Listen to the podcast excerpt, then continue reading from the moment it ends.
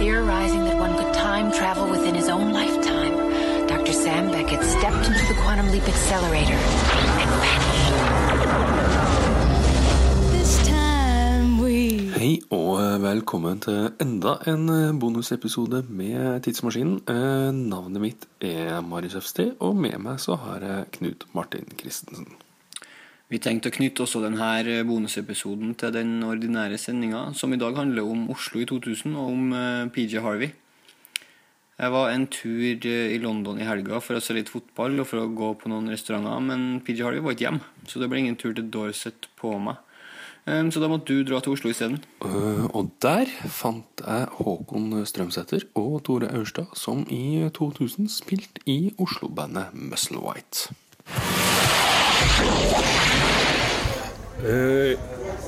I den uh, sendinga vi eh, legger ut i dag, så er vi bl.a. i Oslo i året 2000. Eh, det året ga ikke Musselwhite ut noen ting. Dere ga ut en plate i 99 og i 2001, tror 99 jeg. og 2001, ja. Og 2002.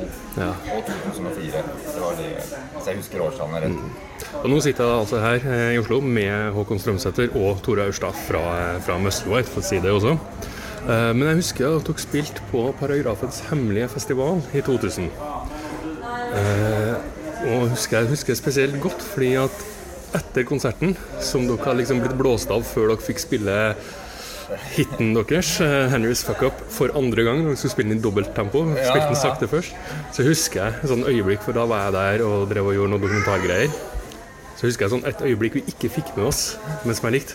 For da sitter du, Tore, sammen med resten av bandet og er litt sånn nedtrykt. Så sier du det føles som vi har spilt fotballkamp og tapt. Vel, eh, vi tapte vel ganske ofte, gjorde vi ikke det, Håkon? Altså, vi var ganske ujevne, det må vel sies sånn i eh, etterpåklokskapens lys. Det var vi nok eh, det på prestasjonsmessig. Ja, ja, ja. Prestasjonene våre. Det var, vi var jo altså ikke mye flinkisband, det kan man vel ikke si vi var. Vi var ikke så flinke til å trene. Nei. Vi fotball. eh, Vi sto ikke og banka på eh, med ballen på porten eh, hver, hver eneste kveld. Jeg gjorde ikke det. Og det og, men samtidig så hadde vi liksom store ambisjoner òg. Vi, var bare- vi ville at det skulle gå lett der likevel. Så det gjorde at, konserten nok Altså vi ville på en måte Vi likte å omarrangere låtene og liksom presentere dem helt forskjellige versjoner av det fra konsert til konsert. Og det gikk nok litt på bekostning på en måte, av framføringen iblant. da Så iblant kunne det bli jævlig bra. Andre ganger kunne det liksom kollapse.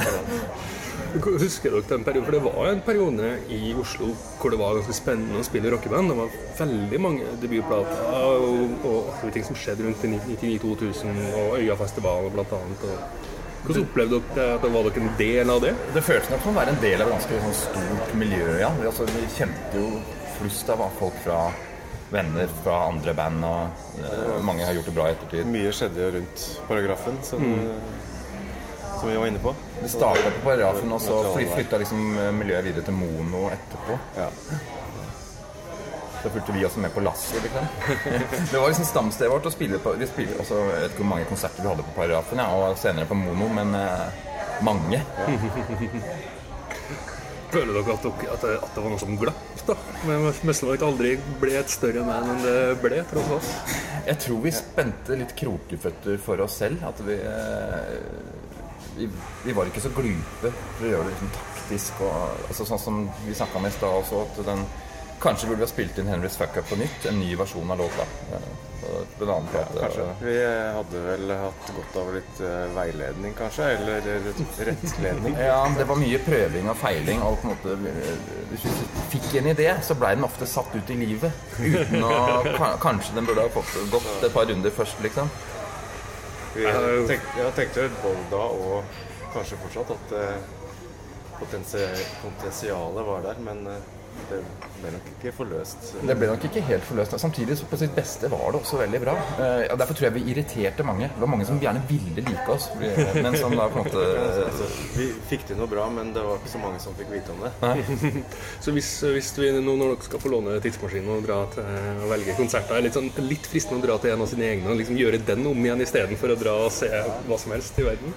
Ja, vi, tenkte på det. Så altså, vi begynte jo på en måte med et slags høydepunkt på releasekonserten til eh, Henrys Lunsj. på et fullstappa Gamla. Ja, ikke sant? Ja, da var det jo helt tjåka fullt der. Det kunne vært moro å stått i salen og sette den konserten. Og um, da vi spilte sammen med Loch Ness Mouse på um, Paragrafen, hvor det var det Til dere som har vært der, det er et uh, særs lite lokale, som dere vet. Og det, vi hadde godt over 100 betalende. Jeg, jeg skjønner ikke hvordan det var mulig å få stappa så mange inn på Paragrafen, men eh, det gikk. Det gikk. Noen må ha betalt og gått igjen for å slippe inn andre. Det var en sånn sirkulasjon fra ovenfra og ned. Ja, ja, ja, lokalet, stemmer så- det. Altså, det var nok kanskje også et, også et høydepunkt. Det var en morsom eh, konsert. Men ja, dere skal få låne tidsmaskinen vår. Mm. Og i første omgang skal dere få lov til å dra på én konsert. Når som helst, hvor som helst i verden. Du først, eller jeg først?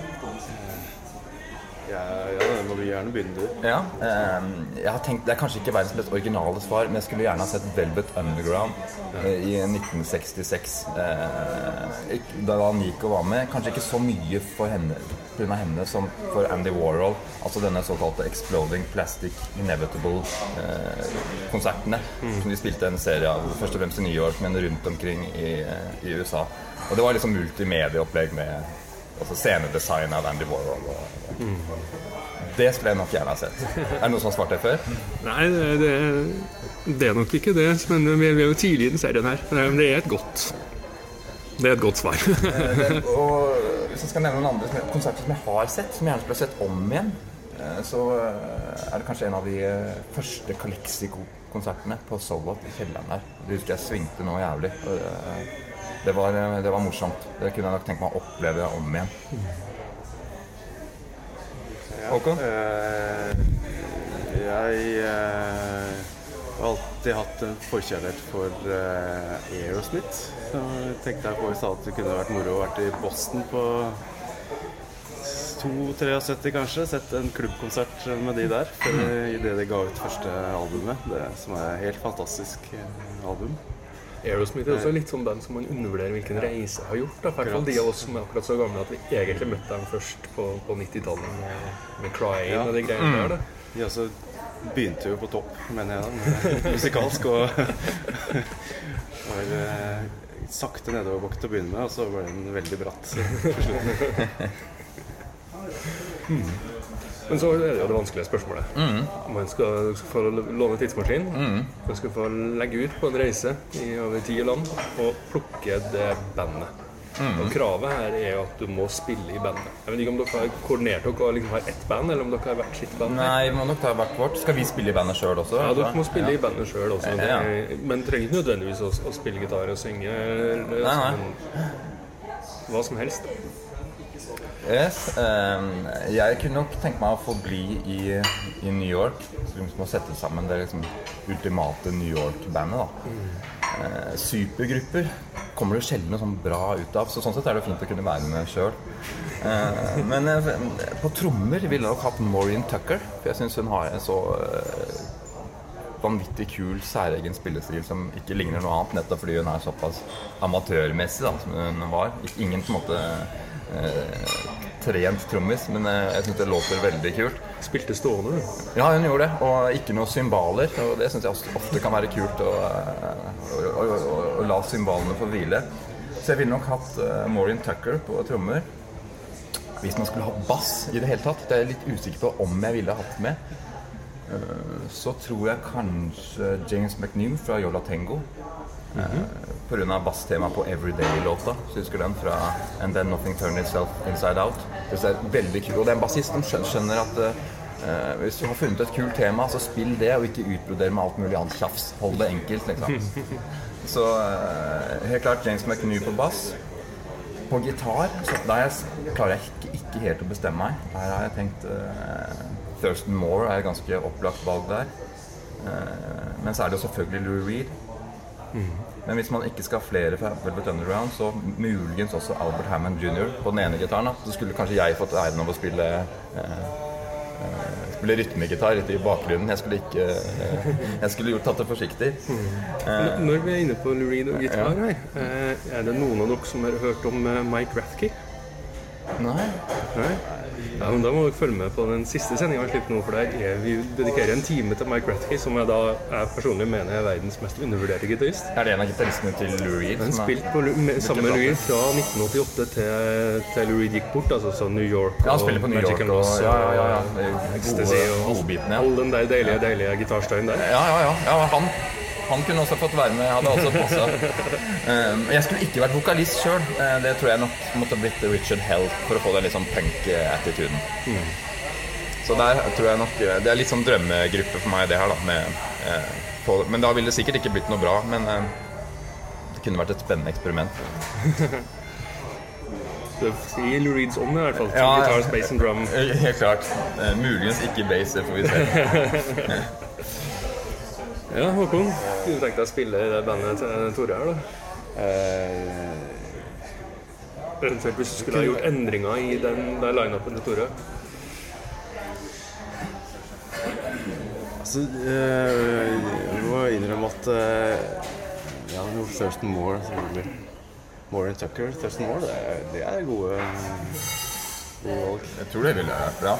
Eh, ellers så tenkte jeg også, også Det var git- gitaristene som var vanskeligst der, for det er liksom et rikt utvalg av bra gitarister. Jeg var også inne på da om eh, Robert Burås burde fått være med. Rett og slett, for jeg tror han syntes det ville vært veldig kult å få spille med Maureen Tucker og Thurston Moore.